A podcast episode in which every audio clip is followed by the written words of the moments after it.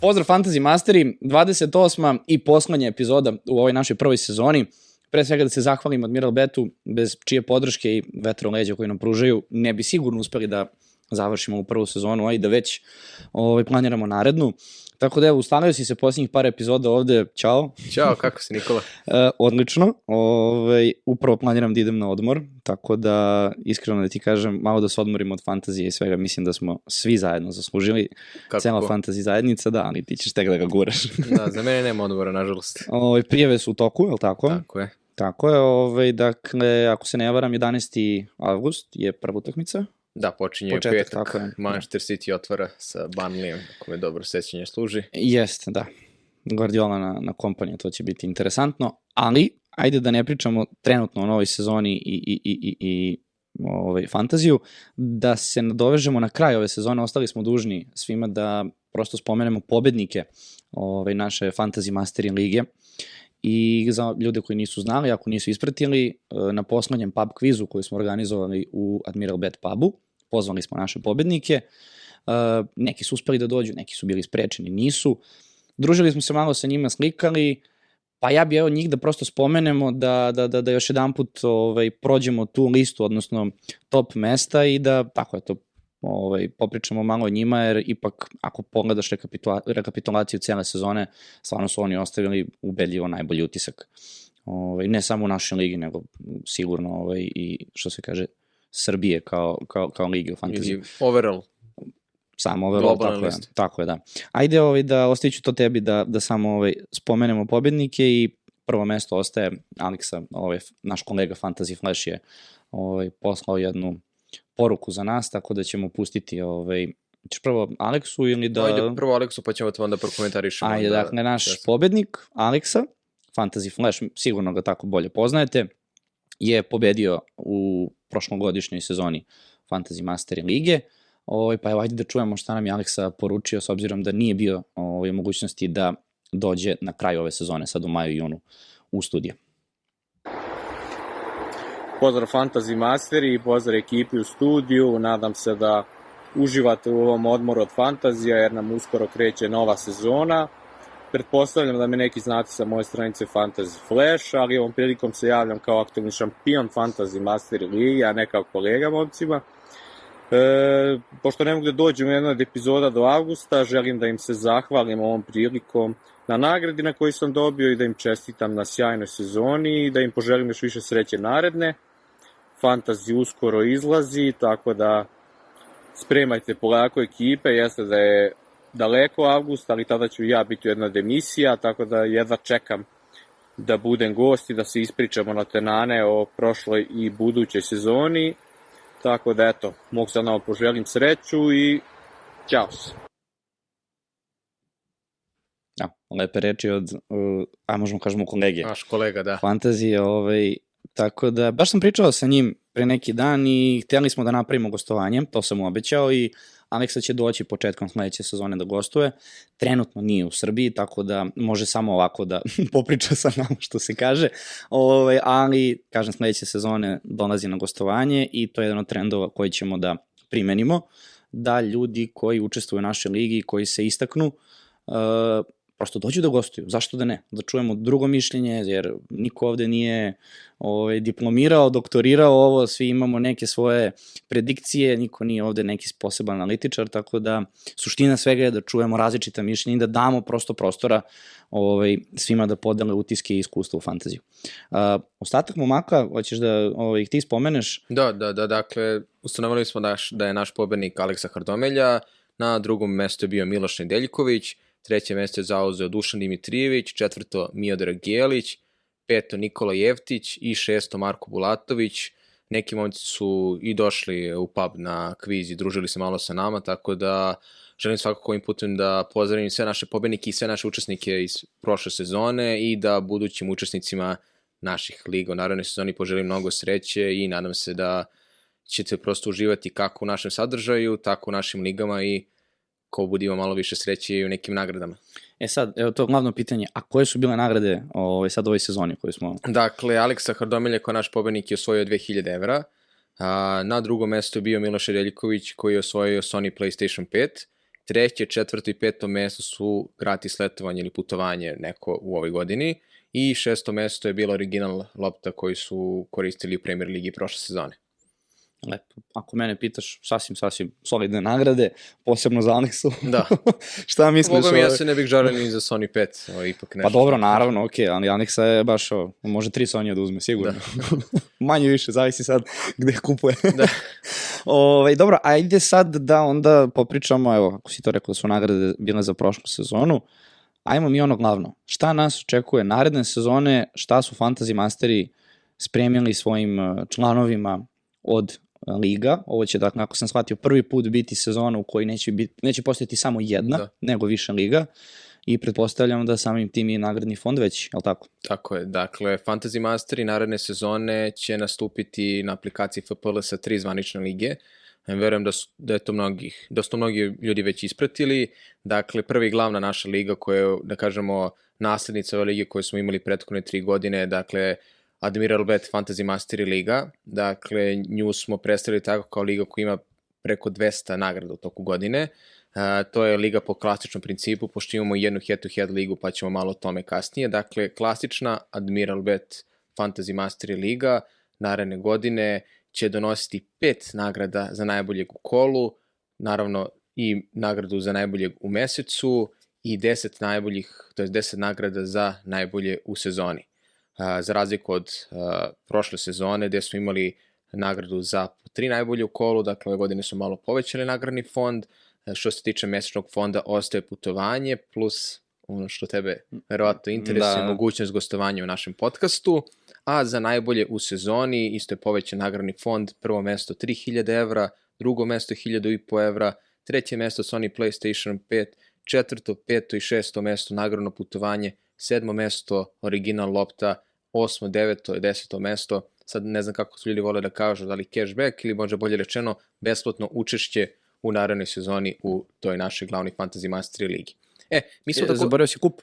Kup, naravno, on je sastavni deo uh, Fantasy, Admiral Bet Fantasy Mastery lige i pobednik kupa će takođe da osvoji Sony PlayStation 5, tako da Zaista Znači, mislim da je kvalitetan nagradni fond, da, da, dakle, samo da se nadovežem još, naše nedeljne nagrade Mhm. će biti sledeće, prvo mesto Retro Des, uh, drugo mesto knjiga, treće mesto Canvas fotografija, četvrto mesto Fit sat i peto mesto personalizovana foot kartica. To je prebila FIFA foot kartica, sada bi trebalo EA Sport, EA kako Sport, se da, zove, da. ali znaju ljudi o čemu je reč. Ma dobro, lepo, dakle, to sad sve kad pogledaš, uh, hiljadu i po, tri hiljade, dva Sonija, putovanja, boga mi, ovaj, nagradni fond je dosta, dosta povećan. Ono što si rekao baš za, za podcast, to je dakle, da neka naša ideja je bila od starta da od naredne sezone. Svako ko bude prvi u mesecu, odnosno pobednik meseca, uh, pored tog putovanja, dođe i na gostovanje u, u, u ovu podcast emisiju i to će biti specijalno gostovanje svakog meseca gde ćemo ostaviti prostora. Naravno, znaš kako, neko je stidljiv, neko nije. Neko voli da priča dva i po sata, neko jednostavno ono, kaže sve u dve rečenice i to je to. Ostavit ćemo ljudima opciju da izaberu. Svakako imaju poziv da svako ko dakle pobedi na kraju meseca može da dođe da gostuje, specijalna epizoda za njega. Hoćemo da analiziramo kako je došao do prvog mesta u, u ovaj, To u, mesecu. tako, u tom mesecu, u fantaziju, pa da ga pitamo gde ide na putovanje, da li će još nekoga da povede, što da ne mislim. ovaj, malo i da se do, dotaknemo nekih ovaj, stvari van futbola, ali pretežno naravno priča o fantaziju. I eto to što se tiče sad podcasta što bi ja dodao. Da. A ono što, ono što si možda zaboravio, dakle, da spomeneš je, sad vratno ljudi pitaju, dobro, koliko je ulaz? Tako je, dakle, za tu našu glavnu ligu koja je okosnica je ulaz, to jest godišnja članarina je 3000 dinara ili te 30 evra ako neko uplaća iz inostranstva, jer malo provizija kada se uplaćuje preko PayPal ili Western Uniona prosto to pojede. I to nam je, da kažemo, naša glavna liga. Mi, osim te glavne lige, u ovoj sezoni, to jest naravno, nastupamo sa još dve lige. Dakle, do sada smo prethodne tri sezone koliko postojimo uvijek nastupali sa jednom glavnom, to jest klasičnom ligom. Ajmo da pređemo sad na tu head-to-head ligu. Da prvo objasnim za ljudi koji ne znaju možda šta, je head to to head. je, to je, to je glavno pitanje, tako Po je. mom mišljenju, meni head to head zapravo predstavlja jednu jako zanimljivu ligu, to jest princip lige gde neko može da pobedi, osvoji neku nagradu, čak i ako nije najbolji na nekom svetskom plasmanu u nekoj državi ili nekom klubu. Dakle, klasična liga pobeđuje onaj koji ima najviše bodova koji se osvoje po onom klasičnom principu fantazije. Koliko, je, koliko su poena tvoji igrači osvojili, sve se sabere, toliko si poena osvojio u tom kolu i tako se sabira tokom cele sezone. Head to head funkcioniše kao neka klasična futbolska liga, gde ti kao igraš fantazija, sa svojim timom u svakom kolu igraš protiv nekog protivnika iz lige, nasumično odabranog, ko ima više poena, on dobija 3 boda na tabeli. Dakle, ako neko ima sreće, može da pobedi u svih 38 kola, a ne mora bude ni u prvih 100.000 na generalnom plasmanu, on će da osvoji našu head-to-head ligu. I dakle, to je moje neko uvek preporuka eventualno ljudima koji možda prvi put igraju fantasy ili koji se uvek boje da ne mogu da ostvare neki predobar plasman uh, u nekom generalnom, uh, kažem, plasmanu, da igraju head-to-head -head ligu, jer tu zaista uz malo sreće može da pobedi i neko ko nije na samom vrhu ili ko ne igra tako dugo. E sad, uh, verujem da je jedno od glavnih pitanja tu, ok, uh, s obzirom da svako igra ovaj, protiv nekoga, a imaš 38 kola, šta ako imaš preko 38 učesnika lige? Šta ćeš dakle, onda? prosto aplikacija sama po nekom nasumičnom metodu bira protivnike, dakle nećeš igrati protiv svakog.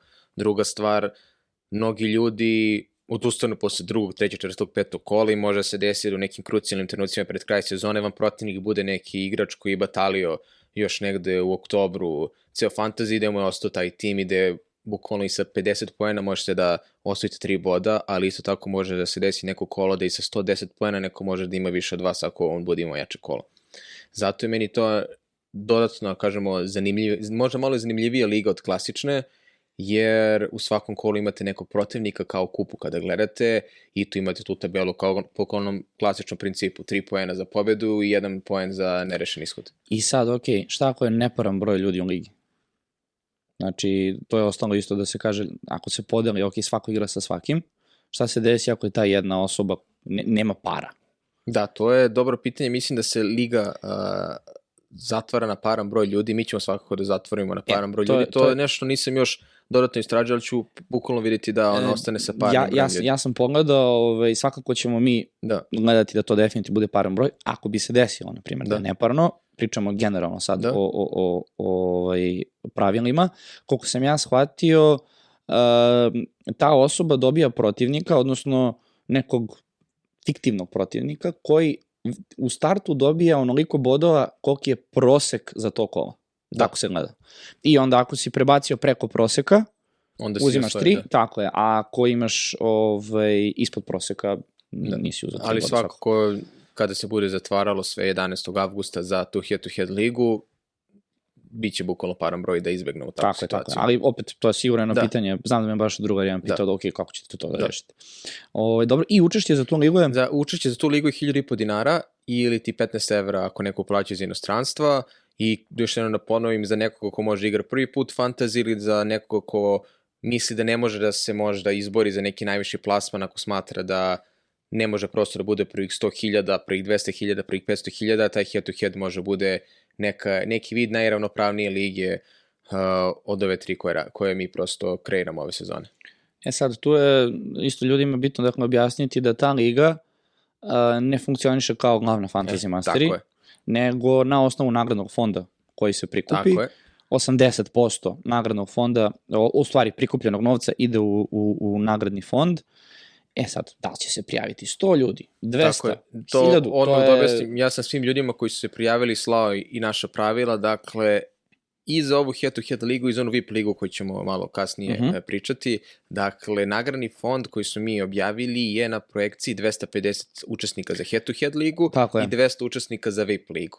Dakle, u slučaju da bude više od 250 učesnika, nagradni fond će biti veći. Ali isto tako, ako bude manje, proporcionalno će da se smanji taj nagradni fond. Ono što je jako bitno svakome da zna, u svakom trenutku kada se završi kada se završi prive, kada počne sezona, on kada vidi imam 207 igrača, on može izračuna matematički e, koliko prvo, drugo, treće, četvrto mesto donosi, dakle kada se to pomnoži sa članarinom, puta 0,8 i onda puta 0,45 za prvo mesto. objavit ćemo i mi svakako. Da, prosto mi ćemo to da objavimo, ali da prosto samo to ne buni ljudi. Trenutno neka računica, mislim da očekujem tebe da znaš, da. jer mislim što bi pamtio ove brojeve, ali Dakle, prvo mesto bi uzimalo na 250 Da. članova, 1150 evra, drugo mesto 510 evra, treće 385, četvrto 260, peto mesto 130 evra i od e, šestog do desetog mesta e, e, po 25 Da. evra. S tim što smo mi dodali tu takvu opciju da od 10. do 20. mesta to što ti kažeš cashback, odnosno besplatno učešće naredne sezone u head-to-head ligi. Tako je. Tako da, dakle, dajde da kažemo da u stvari top 20 uzima neku nagradu na kraju sezone. Ovaj, I ti procenti ostaju za ovu drugu ligu, to ću te isto pustiti da objasniš, mada je to ona standardna, pretpostavljam da ljudi znaju već Da. čemu se radi. To Dakle, je, naša treća liga je Fantasy Master VIP liga, dakle kada dodamo na Admiral Bet Fantasy Master ligu, na Admiral Bet Head to Head ligu, imamo i našu Fantasy Master VIP ligu. Uh, imali smo dosta pitanja prošle sezone, neki učesnici su se javljali i pitali da li ćemo organizovati neku skuplju ligu, neku gde, gde će ulog da bude dosta veći, da, mo, da može bude nagradni fond. Rešili smo da ove sezone isto se oprobamo i uh, u toj nekoj ligi. Dakle, isto klasična liga, klasičan princip, klasičan format.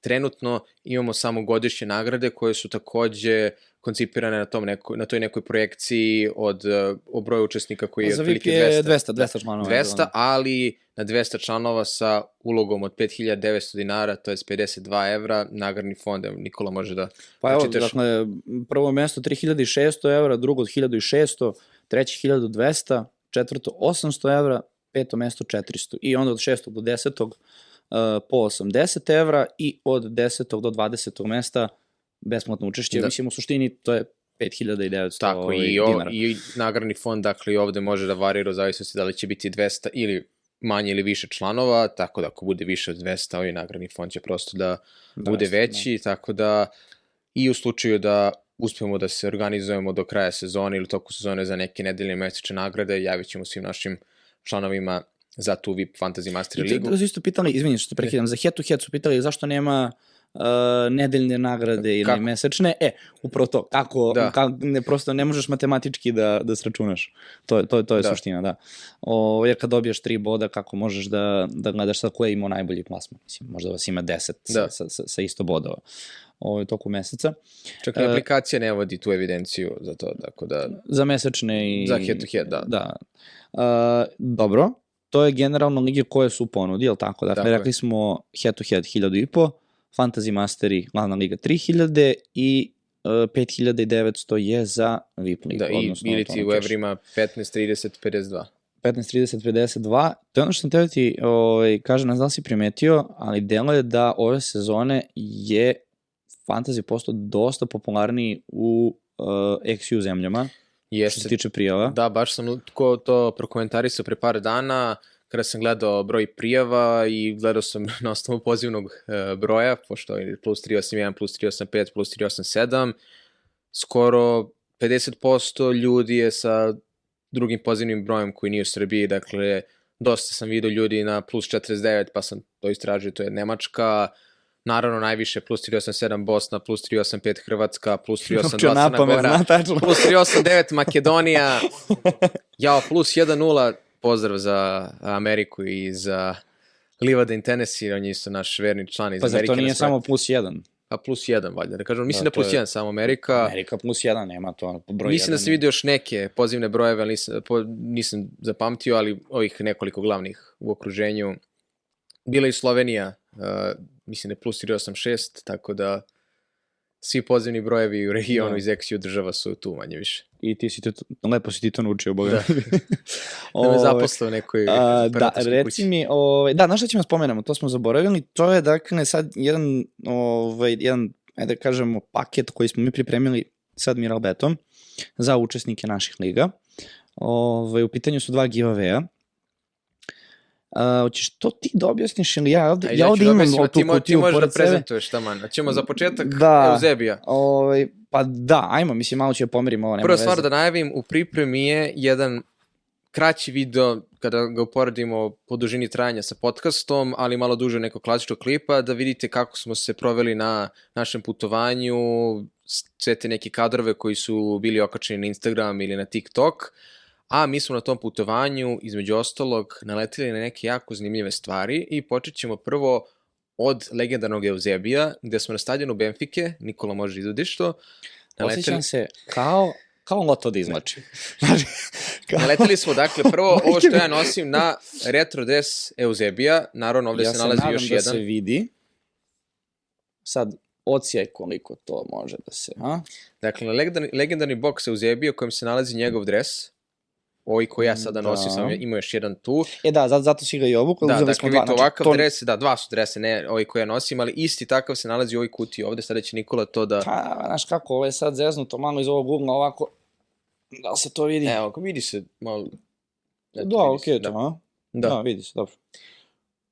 Eusebio, na portugalskom inače. Ove, dakle, da, to je ta specijalna kutija, I, I tu je broj dres. 10. retro ovaj, Eusebija, I broj 10 pozadi. broj 10, tako je. Dakle, tu kutiju će osvojiti neko od vas na giveawayu, a mogućnost učešća u giveawayu će imati svako ko je, ko je učesnik jedne ili više naših liga. Znači, bilo koju bilo ligu... koju, da, bilo koju ligu da igrate, bit ćete u opticaju da osvojite Eusebijov dres i njegov boks koji je direktno kupljen na stadionu Benfike na Dalužu. Tako drugi giveaway koji je, ako mene pitaš, ono je neprocenjivo, stvarno.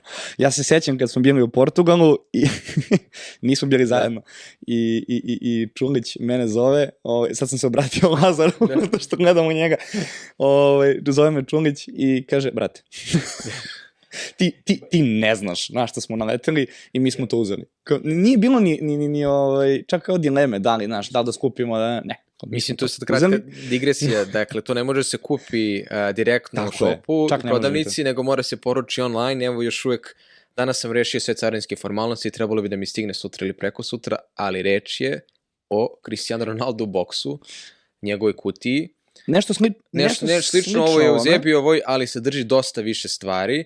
Dakle, Nikola ti isto čak i odvojio i napisao. Jo, Za izvlačio sam- početak, original dres Cristiano Ronaldo dok je nastupao u Sportingu iz 2003. godine. Tako? tako? Je, tako je.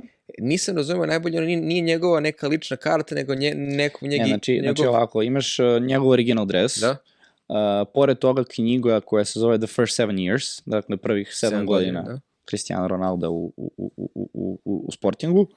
Ove, onda medalja tog nekog kupa u kome on učestvovao Candido de Oliveira, super kup, tako se zove. To je, znači, članska karta o kojoj ti pričaš, to je ona članska kartica za akademiju Da, i to Sportinga. Ronaldo sa 9 godina njegova Da, da, njegova slika, njegov potpis, ime, prezime, podaci, visina, težina i tako dalje.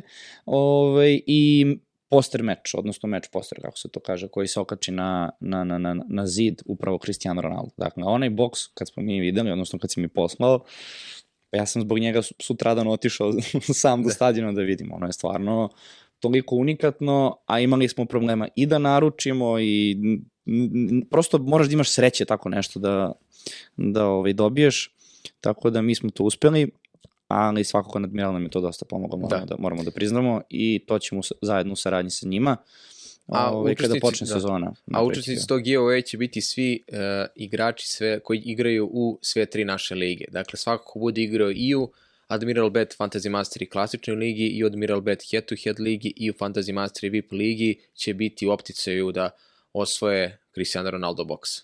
Znači nije dovoljno jedna Da. liga ili dve, potrebno je da Tako je. učestvuju, da budu članovi sve tri lige, tako je. Dok, ako izaberu jednu, imaju ovaj Eusebijev boks koji je već tu, Da. da. spreman je. Čeka Stiže početak. uskoro i Ronaldo, tako da ćemo ga... Dobro, dobro, polako, nemoj samo brzo. da, da malerišemo. Da.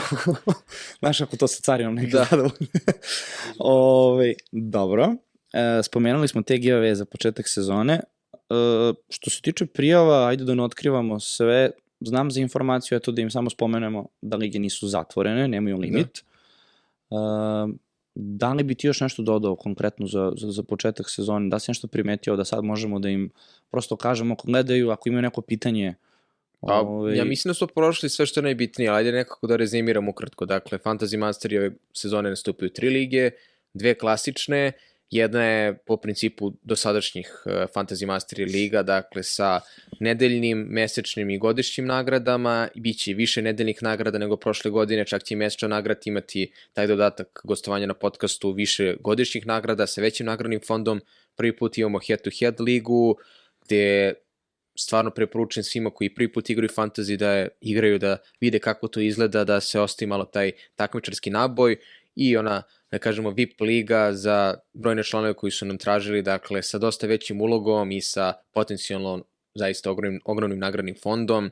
Prijave su otvorene, dve ligi imaju faktički neograničen uh, uh, fond za nagrade, dakle to su head to head i uh, VIP Fantasy Master Liga, jer zavisno od broja članova, toliki će biti nagradni fond. Za glavnu klasičnu Fantasy Master Ligu je fiksiran nagradni fond, tako da nije bitan ušte broj članova, toliko će, takve će nagrade biti kao što smo i ljudima to poslali, kao što stoji na našim društvenim mrežama. Za sva pitanja imaju mene i na Instagramu. E, to je bitno, da. da. Gde se prijavljuju? Kako dakle, se prijavljuju? Prijavljuju se putem linka koji se nalazi u opisima profila naših na Instagramu i na Facebooku. Naravno, kogod se nama javi porukom, poslaćemo taj link, to je najmanji problem. U slučaju da nešto nije problem sa linkom, oni ne mogu nama da pošalje podatke, mi da ih prijavimo, pa im pošaljemo to, sve instrukcije. Fantasy Masteri, samo ukucaju na Instagramu. Tako je, dakle, i... fantasy.masteri na Instagramu ili fantasy masteri bez tačke na Facebooku. Znači, da. Dakle, vidjet će onom opisu profila da se nalazi link, još piše da su prijave u toku. Ako neko možda ne rade link, bili možda samo par njih koji su mi se javili, pošalju nam ručno podatke, mi ih unesemo i pošaljemo im sve instrukcije za uplatu. Znači njima stignu instrukcije na?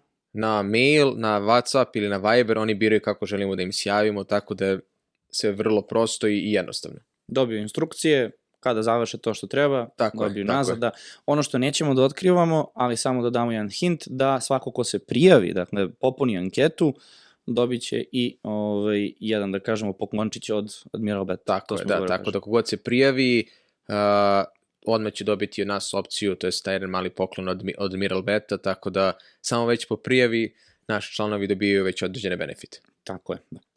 Dobro, uh, lepo su mi i koncizno, ja bih rekao, da, mislim, ove lige. Ključna stvar svega, sad se obraćam svima vama koji nas pratite, ja sam taj koji uglavnom komunicira sa vama putem Instagrama, Facebooka ili kada mi se javljate, šta god vam nije jasno ili šta god vam je potrebno, uvek mi možete pisati, tu sam da pomognem ili da objasnim neke stvari i to je to i ako vam slučajno u toku odgovora ovaj, stavi tačku na kraju rečenice, ovaj, nemojte uopšte da se iznervirate, on samo jednostavno tako komunicira, nije ljuti, nije iznerviran i to je to.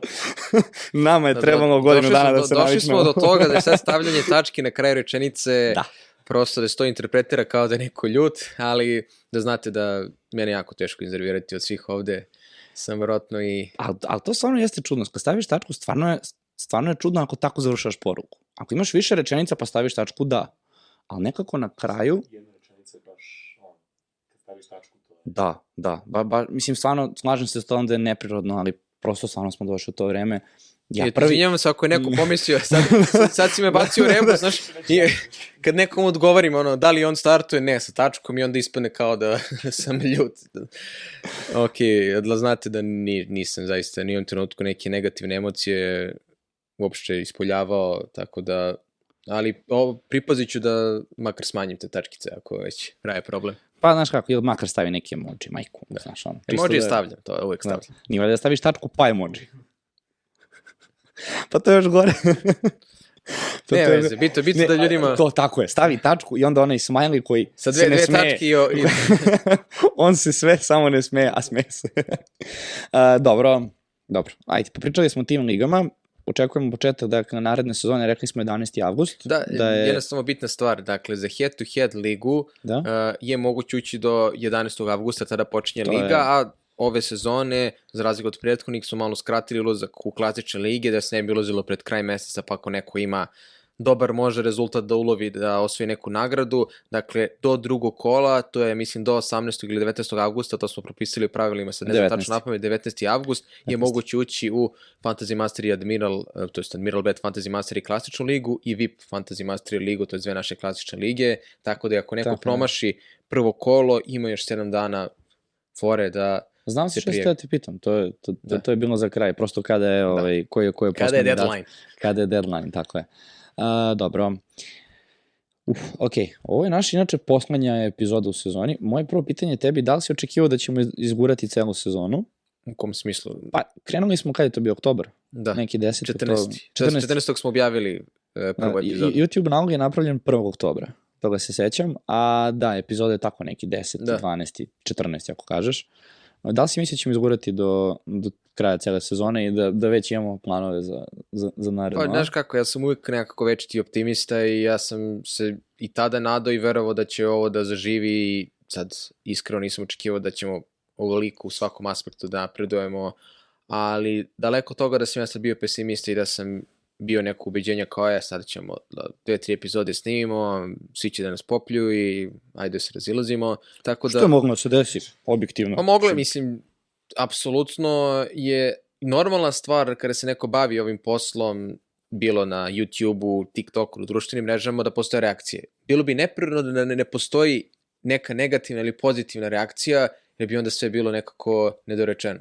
Tako da mi u startu kada smo kretali, to ti ja prvi koji smo, i realno najviše, dobro ti si svako epizod dovodio, ali sam ja najviše puta gostovao od uh, ostalih članova naše ekipe ili nekih drugih gostiju, prosto smo u startu rekli sebi, ok, počet ćemo, ali samo da budemo svesni da na početku ili u bilo kojem trenutku možemo nići neke komentare razno raznih Tako tipova, je, da. od smešnih, ružnih, eh, naravno bilo je i mnogo više podrške da ne bude da sad pričamo kao da smo bili stavljeni na neku crnu listu, ali eto, mislim da smo pripremljeni, ušli u ovu smislu da znamo šta nas očekuje, ali možda nismo znali koji su neki naši limiti i konkretni, konkretan potencijal i sada mi se čini da je nama potencijal mnogo veći nego što smo u startu očekivali.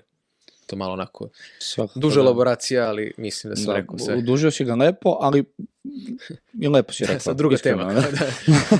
Pa ne, nego evo, ovaj, sad je već definitivno to to, sigurni smo, e, to je informacija koju smo ostali dužni, a to je da menjamo prostor, bit ćemo u drugom studiju, odnosno u novom studiju, a, tako da od naredne sezone će ovo izgledati mnogo profesionalnije, a ne da imamo ovako dresove okačene iza. Mislim, što nije, nije loše zapravo, da, ali... Iskreno ono što je mene, na primjer, najviše brinulo kako će bude reakcija oko samog studija, jer mislim da je ovo najimprovizovaniji studio svih podcasta koji su... A nemoj sad ustajem da okrenem kameru na drugu stranu. Pa ne, to ti ka... da vidiš može, da može. Evo, evo, evo predlog, pred početak sledeće sezone i novog podcasta, da kažete da pokažemo ljudima kako zapravo izgleda ceo studio. E, ali znaš šta hoću ja da pustim Šta? zapravo? Tako ćemo početi novu sezonu. Pustit ćemo, pustit ćemo, epizodu. pustit ćemo našu pilot epizodu, Ti- meni i tebe.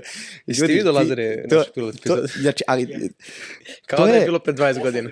ma ka, pa to je snimano fiksnim telefonom od prilike, znači, Xiaomi je, što pošto da ti ne to voli. tvojim, da. Ali, znači, tepih ovde koji visi, koji treba da se izbaci A mi koji izgledamo mlađe, ne znam šta se Daj dešava. ti, da, daj si izvana. Znači, kao da imamo 12 godina. Mislim, vero, verovatno i sad preko kamere delujemo da imamo tako nekih 14-15. Pa ne mislim da je mnogo Ovaj- njih pre, pretpostavlja kad vidim na TikToku komentare, znači ono, meni prija zapravo da misle da sam dete, nekako uvijek želim da budem mladolik, ali Da, ali opet, znaš šta je. nažalost imamo. Dosta godina. Pa dobro, šta Da. ja sam 98, ti mislim što Da, što bi- 25 godina imamo to, 25, ako, neko, tako je. ako nekog od vas zanima, ako bude neko pitanje, se ne znam da li među ovim pitanjima, ali da, Znaš kako, da smo futbaleri, očekivao bi nam sad jedan dobar ugovor. da. Eto, A toliko u stvari još ono dve, tri da. godine nam fale do nekog vrhunca karijere, ono 27. do 32. Tako ali sada smo i dalje u neku maksimalnu naponu snage. Baš tako. Ali taj snimak, ta pilot ove verzije, Ali mislim da zasluži da vidi šta se nalazi za kamere, jer možemo sada da postavimo ljudima, ljudima pitanje, evo ja ću postaviti, šta mislite da se nalazi iza kamere? Da vidimo koliko će njih to da pogodi. eto da. Stavi, ovaj, okači baš i na Instagramu. Da, baš ovaj, mnogo, pošto šta se šta je- pozdravljamo od studija, pozdravljamo se od ove sezone podcasta, da ne pomislite da sad idemo na pauzu i što se tiče prijava je, i što... šta je iza. Ali evo sad sam se setio jedne anegdote, kada smo pravili studio. Um, ako se sećaš, otišli smo da kupimo mikrofone i ovaj aparat za, koji, koji ovaj, povezuje jel te, sve kablove i centralna konzola. I koliko smo bili uzbuđeni, nismo mogli da izdržimo i odmah smo to sad sve tu postavili, kao ajde da, da snimimo, da probamo. Mi smo bili toliko naivni i toliko smo bili uzbuđeni da smo mi stavili ove mikrofone, popalili sve, ok, čujemo sebe, to je to. I kao, ajde da snimimo pilot epizodu, prosto da vidimo kako to izgleda. Završamo mi pilot epizodu koja je, brat, bratu, trajala dva i nešto sata, jer ti ne, nemaš prosto osjećaj vremena, tako je. Završamo mi epizodu, gasimo kameru, gasimo rasvetu, srećni, zadovoljni. I ja shvatim da ja zapravo uopšte nisam kliknuo record audio Nego da se prosto audio čuo kao oni što se čuje na telefonu. na telefon. I Tako je mi bila imamo- prva epizoda isto. da znaju ljudi. I to je bila prva naša pilot epizoda koja je, da, otprilike kupili smo audio ovaj, uređaje, čisto eto da, da, Mislim, ajde još jedna stvar. da, do, da popune prostor. kad se već oprštamo svega ovoga, da. ja da pozdravim našeg vojna ovim putem, ali prvu epizodu su morali da prekidamo par puta, jer nismo mogli da se saberemo, ni nam bilo sve pa jedno. čekaj, ako ćemo Treba. redom sad, pa stani. E, krećemo epizodu, ja, ja i Čuka se već navikli, imali tu kao, jel te Bog zna kakvu pilot epizodu, Vojn koji dolazi, kapljice znoja ovako po sunđeru, ne znam šta Vidimo da se priča ona čovjek. vena koja se Da, zove da, neko da, malo... nema tema, znaš, da. ne znaš, prosto plašiš se šta ćeš da kažeš, šta nećeš. Ti misliš to je jednostavno, lako je, kad slušaš ovako neke druge emisije na YouTube-u, pa sad slušaš druge ljude, ti onda komentarišeš u sebi da li se slažeš ili ne slažeš. I sve je to super i svi mislimo, znaš, da, da možemo sve da prokomentarišemo, da znamo sve, ali bato ti kad sedneš ovde. Jeste, I imaš mikrofon. sebe ovde, kako ti se eho stvara, i onda kada je. pričaš nešto i pogrešiš, ja, ja sam imao za free hit, onu grešku kad sam rekao free kit. I onda, mislim, ja sam tu nastavio, ali posle... Kad bi vi znali koliko sam ja stvari isekao za ovih godinu dana iz Šta podcasta. su mi sekli sve?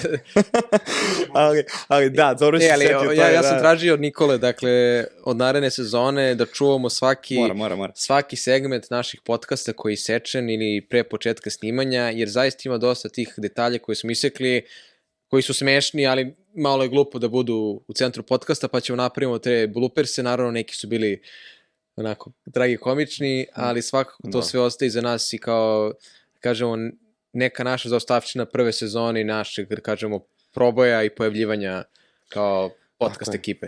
to ostaje iza nas, a ono što je ispred nas je definitivno nova sezona, koja ja imam utisak, malo pre sam rekao ljudi, ja već imam utisak da fantaziji, ono, krenuo je, to je to, samo još da vidim koliko imam bodova. Ne daju nam vremena. Da, baš da- zanima koliko pitanja ima da treba ući. Pa, to, to ćemo, to ćemo Da. svakako da prođemo, ali uh, dosta je nezahvalno ako se složiš sa mnom da sad komentarišemo I ja, na primjer, generalno svaku ekipu, svakog Da. igrača, Ja mislim- jer i dalje ne znamo Da. na čemu smo. ja mislim prvo da je prerano ja, na primjer, kako već dve fun godine funkcionišem, napravim e, tim čisto da bi dobio taj ID i potrudio sam se ove godine, ušao sam kao 10.000 prvih ljudi koji su napravili tim, mislim, nebitna stvar, ali Da. za nas zaluđenike kao wow, ali moje neko konkretno diranje i sklapanje tima ne počinje do 5 dana pred početak lige. Nema pojnta da ja sad mesec dana sad mozgam, a ima mnogo toga da se mozga, naročito pred ovu sezonu, da ja sada razmišljam ko će da mi igra. Prvo, idu pripreme. Neko će da se povredi, neko će možda da napusti klub, brojna povećanja će da se dovedu kako u nekim manjim timovima, tako u većim timovima.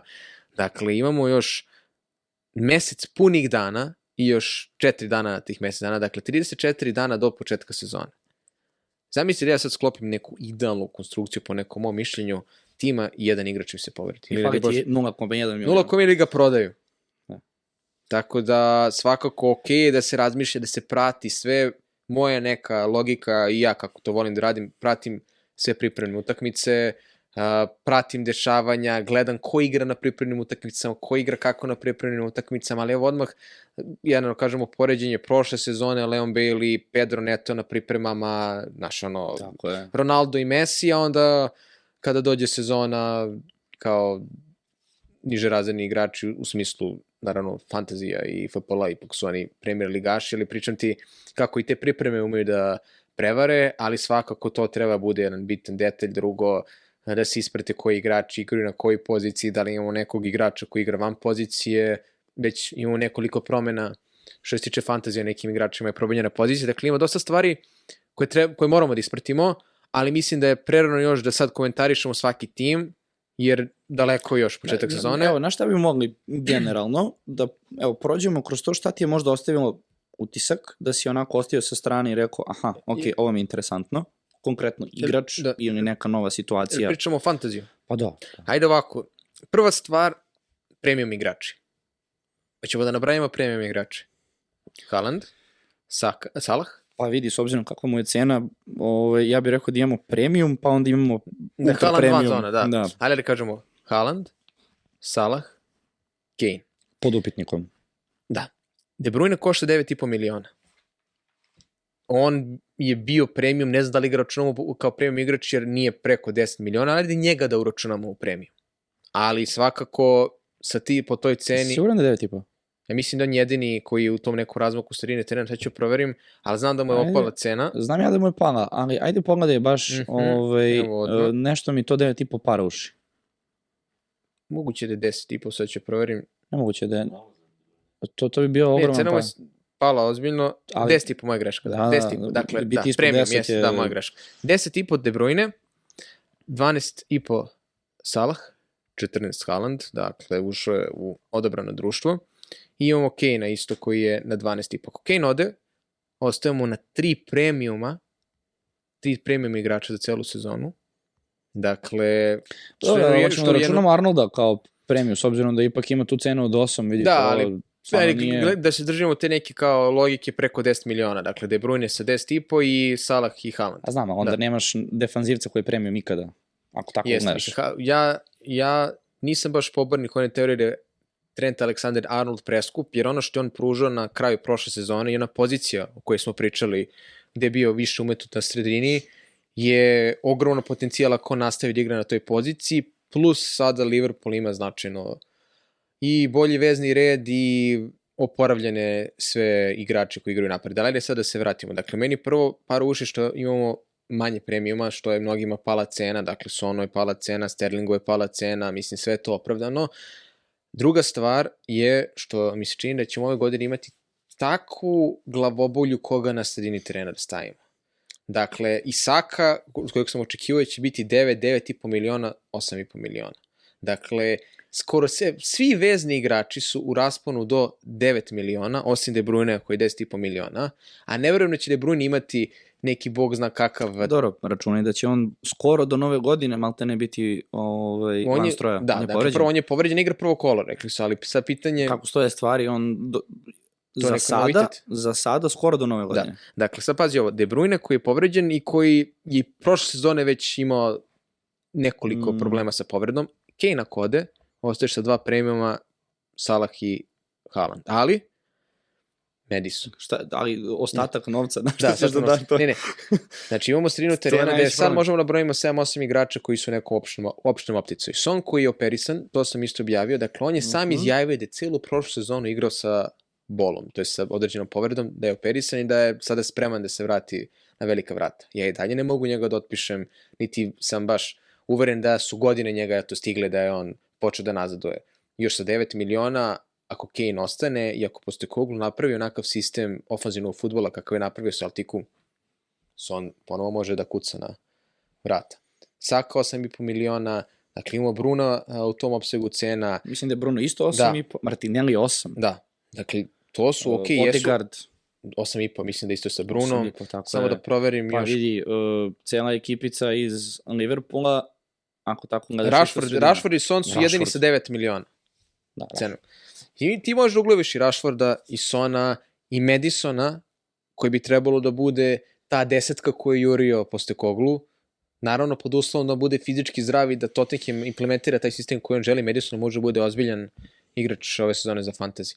Dakle, da li možeš zamišljati sebe da imaš i Rashforda i Bruna Fernandeša?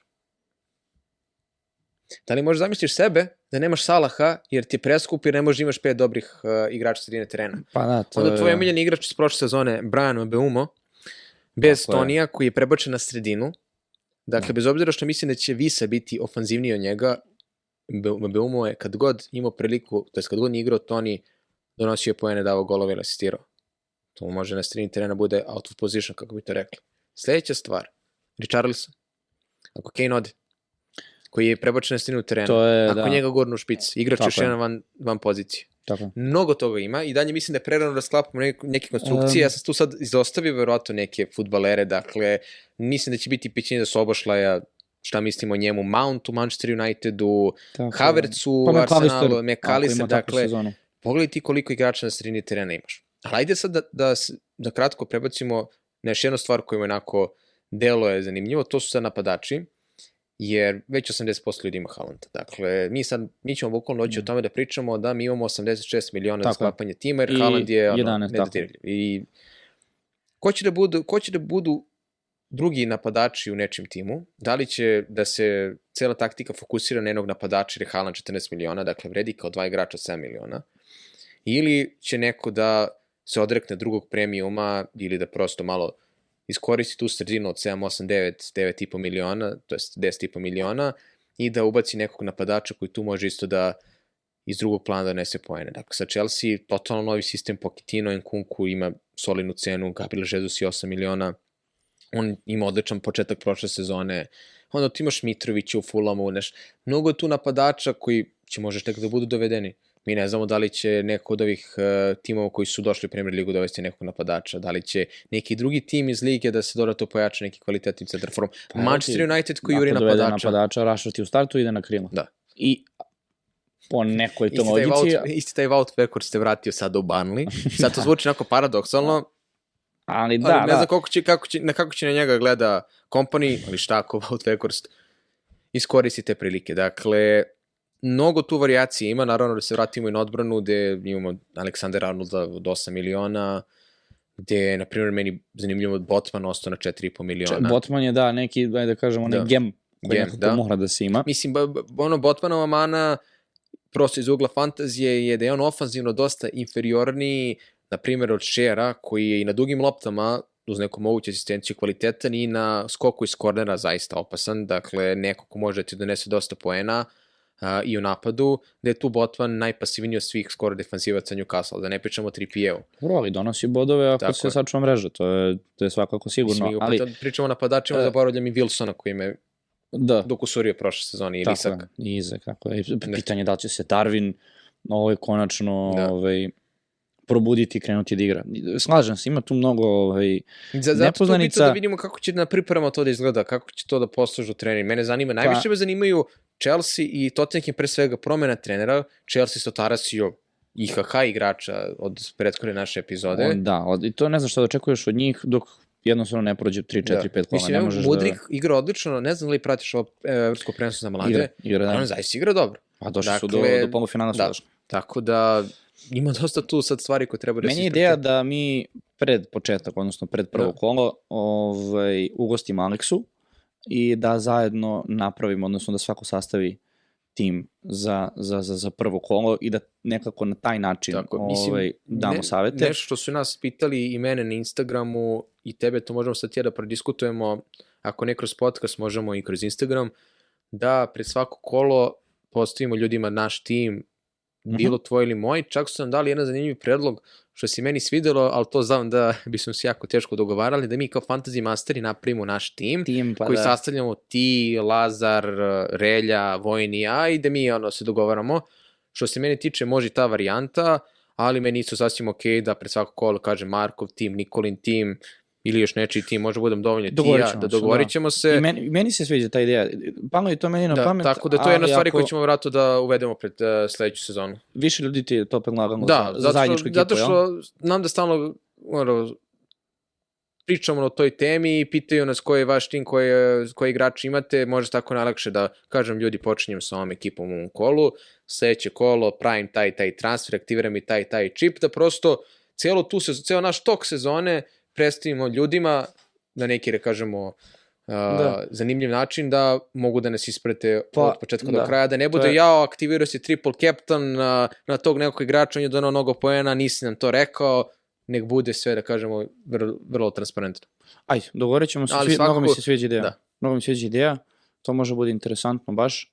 Ovaj, zašto da ne? Da. Super. Uh, šta sam ja, evo, hteo da kažem za početak nove sezone? Uh, generalno, ja kako postavljam situaciju, trenutno, kao što si rekao, prerano je. Idem prvo od toga da fantasy ubira bodove od ne neki tamo neke virtualne igrice, nego iz stvarnog života. I nekako mi je logično da kada već počinjem sa praznom ekipom, dakle nemam apsolutno ni jednog golmana, ni jednog odbrambenog napadača i tako dalje, postavim sebi pitanje, ok, od kojih ekipa očekujem da će imati dobru sezonu, od kojih ekipa ne očekujem da će imati dobru.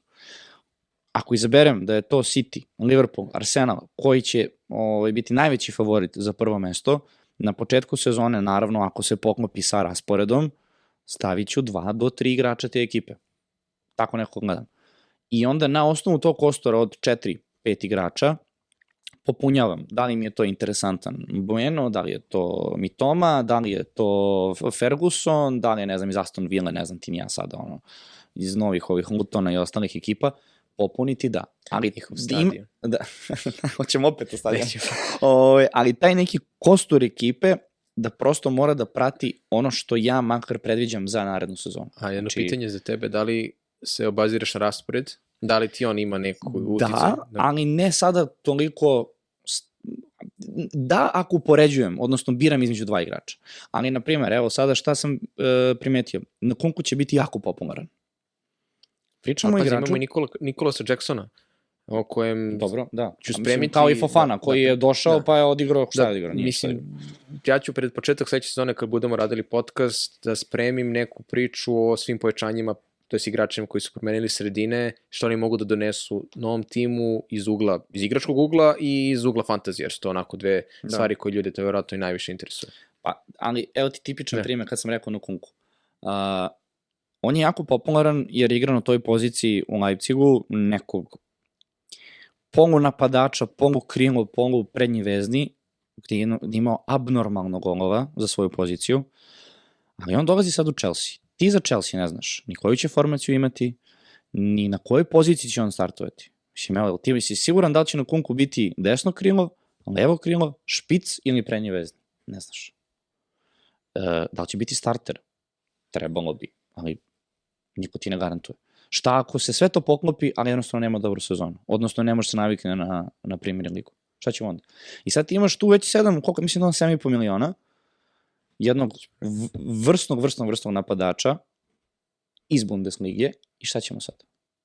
Znaš, stavljaš na Kunkua, a na primer, kad te neko pita, reci mi top 4 tima za narednu sezonu, ti kažeš Liverpool, Arsenal, City, United, primjera radi. Kažeš, čekaj, stavljaš napadača, ekipe za koju kažemo, jel te, ajde da nije u top 4, šta onda? Na, onda bolje stavi nekog drugog. Ta, na početku sezone tako gledam, ali posle dve, dve tri utakmice ti već vidiš ko igra gde, da. kako igra i tako dalje. Mislim, to je to, to je nepoznanica, znaš. I slažem se s tobom, pred sam početak fantazija, da, tek tada treba napraviti ekipu, ali sada staviš na papir i Ne. kažeš ovde je dva, ovde je dva, ovde je možda jedna ekipa, znaš, ovde... Moje neka, moj, ne, moj neki savjet, je moja ideja za ovaj naredni period dok smo još u julu, kao što si rekao, da se stave na papir sve neke ideje i zamisli. Drugo, da se pogleda raspored svih ekipa i tih igrača koje, smo mi, e, koje mi želimo da dovedemo, gde je uvek za neke jeftine igrače može se napravi idealan plan rotacije. Neka dva igrača iz e, dva različita kluba, na primjer defanzivca, jeftino 4,5-4 miliona, koliko god, koji mogu da se rotiraju, da svaki bude starter kad ima neku dobru utakmicu, da može taj tim može sačuva mrežu. Da se napravi tako dugoročan plan, to ljudi rade, kao i za golmane. Rotacija golmana, dva golmana od 4, 4,5 miliona, po tom rasporedu svako kol imaš golmana, da ne igra sa top 6, sa top 7 ekipa. Eto, na primjer radi da se napravi takav neki princip. To može da se pravi, da se pravi ti šabloni, onda naravno da se gleda raspored, ali opet meni nekako deluje sve to ni 30% onog ukupnog što nama tek sledi pripremne utakmice, no, neka nova pojačanja, neke povrede. Mislim, niko ne priželjkuje povrede, ali one su prosto sastavni deo futbala. Da se povrede neki bitan igrač koji ne mora da bude relevantan za fantazi, ali ubuđe neka izmena na njegovu poziciju koja je mnogo jeftinija i koja može da pokrije poziciju za fantazi. Na primjer, neki, neki back se povredi koji je ofanzivan i koji potencijalno donosi dosta poena na fantaziju i on ne može da igra i ulazi izmena koja je 4 miliona i pokriva tu poziciju i Tako je. isto igra. Primjera Šta si uradio, da. Just, slažem se to. Da. Ajde imamo pitanja, baš me interesuje šta ljudi generalno pitaju, s obzirom da je kraj sezone, ali verovatno su sva pitanja u vezi već ove naredne. Dobro, idemo. Evo, da li je bolje igrati formaciju 3-4-3 ili 3-5-2? To je sad isto prerano govoriti, ali mi deluje da zbog tolikog koncentrata kvalitet, kvalitetnih igrača na sredini terena sa, za sasvim solidnom cenom da će skoro svi igrati sa bar pet igrača na sredini, što je onda... I meni, i meni, i meni. Tako da je to 3-5-2 vrlo Koliko je ova verovatno. sezona prošla, definitivno se ispostavila kao sezona napadača. Postoji ove, indikacije da će ovo biti... Tebi niko ne garantuje da ponovo neće napadači da preuzmu slavu i da ćeš morati uz Haalanda da imaš dva neka napadača od 8-7 miliona ili koliko god i da ćeš Slažem onda morati se. da se krpiš na sredini. Ali, Slažem se, ali nekako deluje Da. za sada da je, da je to atmosfera. a, koji premium igrač se ne isplati da se uzima? Sad, ja zaista... Kevin De Bruyne. Zbog Da, povrede. trenutno da, ali ajde, To je- ja sad njega ne bih ni uručeno, trenutno gledam ovu trojicu koji su 12+. Plus. Malo bi bilo glupo za mene da kažem da ne uzimaju Kane, jer on prošle godine, to smo prošli, nekako najviše koštao nekog Da. boljeg plasmana, ali u odnosu na Salaha koji ima opet tu tradiciju dobrog prvog kola i u drugom kolu igra sa Bormutom, na primer, plus nepoznanice To onaj Kane-u- Bormut što mu je na devet, da, da, da, nije okej, uradio to je ništa. taj, da. Uh, pored, Ke, pored Halanda koji je očigledno obaveza, bez obzira što pošten svako ko mi pošalje draft i kaže nemam Halanda, ali kao hoću da probam, ok, meni to jako hrabro, ali ne bih to iskreno pokušavao, jer jedan Haalandov gol, njih par miliona će već da te preskoči za 10 poene više. Tako da De Bruyne i Kane, ali to za Kane je toliko, onak, da kažemo, neka nijansa koja je trenutno tu prelama, pre svega zato što se ne zna da li ostaje u Tottenhamu. Vidi, uvek može da se desi da jednostavno ne funkcioniše. Da. Dakle, sećaš se kada je Nuno došao u Tottenham, pa nije funkcionisao. Da. Konkretno to može da se otklika na Kena u, u početku naredne sezone. Od njih trojice, apsolutno bi ostavio Salaha i, i, i Haaland u ekipi, ali što ti kažeš, Da. Ajde, da, ajde da vidimo. koliko košta McAllister, mislim da je 6 miliona. Tako nešto, da. Hoće li Enciso dobijati minutažu? Pazi, oni su doveli, right, doveli su Pedra, imaju Fergusona, imaju Velbeka koji ulazi, jel to, i ozbiljne godine. Uh, ok, otišao je McAllister, ali je došao Dahoud, tako da meni taj, meni celokupan taj I E, Milner. ofanzivni deo, da, Miller, ali pričamo o tom ofanzivnom delu, ja se plašim da će i Ferguson u više navrata imati manju minutažu, on nijednom prošle godine nije odigrao 90 minuta. Dakle, i- imaće Enciso minutažu, ali trenutno hoću da vidim na terenu nek, neki vid potvrde da on može, da, da Dezerbi računa da će da igra od pet utakmica na četiri sigurnih 80-70 minuta, da je starter. To može nama da bude kao što smo imali McAllister, uh, Mitoma, Mitoma March, da sad imamo Mitoma, March, Enciso kao Da. tri opcije u Stimaš i Brightonu. Buona Notea, ima, ima mnogo igrača koje Dezerbi može da ubaci optica i da ih rotira, Tako je. zato su tu kao Mitoma i March bili nekako najsigurniji jer Mitome i nije imao neku realnu zamenu. A, Da li smatrate da je slučajnost ili znanje biti uspješan nekoliko sezona za redom u fantaziju, za nekoliko sezona a, za redom ili generalno toku cele fantasy karijere, ako je neko konstantno pri vrhu, već smatram da to nema, nema toliko veze sa srećom. Ja sam i dalje, ja sam već nekoliko puta to ponavljao, da, do, da budeš u nekih 500.000 najboljih, ili da kažemo 250.000, to može da bude zaista dobro znanje. Prosto pragmatično su ono, Koliko je bilo prošle godine? Još 11 11 miliona miliona. A sad će biti još više. Biće vjerojatno više, ali kažemo tih 11 miliona da pola otpadne, da 6,5 miliona odigra do kraja sezone, biti u 500.000, biti u 9%. Ja sam ubiđen da, da, da je znanje sigurno uh, bitno ako, ako planiraš taj neki opšti vrh. Za sam vrh, za prvih 10.000, 20.000, naravno tu je element sreće, verovatno veći elementa znanja. Što se približavaš vrhu, Da. sve element sreće. Ali ako Bitno neko da- konstantno vezuje 50.000, 100, 150.000, 30.000, 10.000, ima tu i do znanja. Dakle, ne može samo sreća da bude ta da nekog 10 godina za redom drži u 10% najboljih. Da li uzeti napadači iz Brightona i kog, to smo baš sad prokomentarisali. Kako komentarišete to što nema promena za defanzivne vezne koje niko ne uključuje u postavu zbog lošeg bodovanja? Da, bilo je neke priče kao da će neki novi format, od celog novog formata dobili smo to koliko utakmica je startovao igrač u statistici. Tako da, da, to je bila neka buva koja je čak bila puštena sa zvanične valjda, aplikacije, dosta tih, da kažemo, To je genijalna ideja. Meni to jeste, gen- to, je- to jeste super ideja, ali prosto što se tiče formata ostaje apsolutno isti. Nije bilo nikakve promene, niti dodate pozicije za defanzivnog veznog, niti dodat, dodatnih bodova za statistiku i tip statistike koju on popunjava. Tako da, eto, bez veze što će neki rodri i igrači koji su najbolji na svetu na tim pozicijama prosto za fantasy biti nerelevantni jer ne rade ono što je najbitnije asistencije i golovi, a, a ne ulazi ni odabir za clean sheet, to jest jedan poen, ali Pazi kako sam ga uhvatio sad. Uh, Rodri, Kazemiro, Rice. Ko je najbolji zadnji vezni u Premier Ligi? Pa, gledamo neki, Kako po je mom mišljenju, vazi, po mom mišljenju, kad gledamo neki rezime karijere i sve što je uradio do sada Kazemiro, Dobro. kao sad opet Rodri mislim da je trenutno u nekom, da kažemo, vrhuncu forme i karijere, Declan Rice nadolazeća mlada nada, da mislim da je on odom afirmisan kao jedan od najboljih na svetu, dakle daleko od toga da je on samo mlada nada, ali eto, mislim... Ali evo, sad, da sad kupuješ jednog od njih. I treba da kupiš jednog zadnjeg veznog, ista cena. Sve isto. Ko će to biti?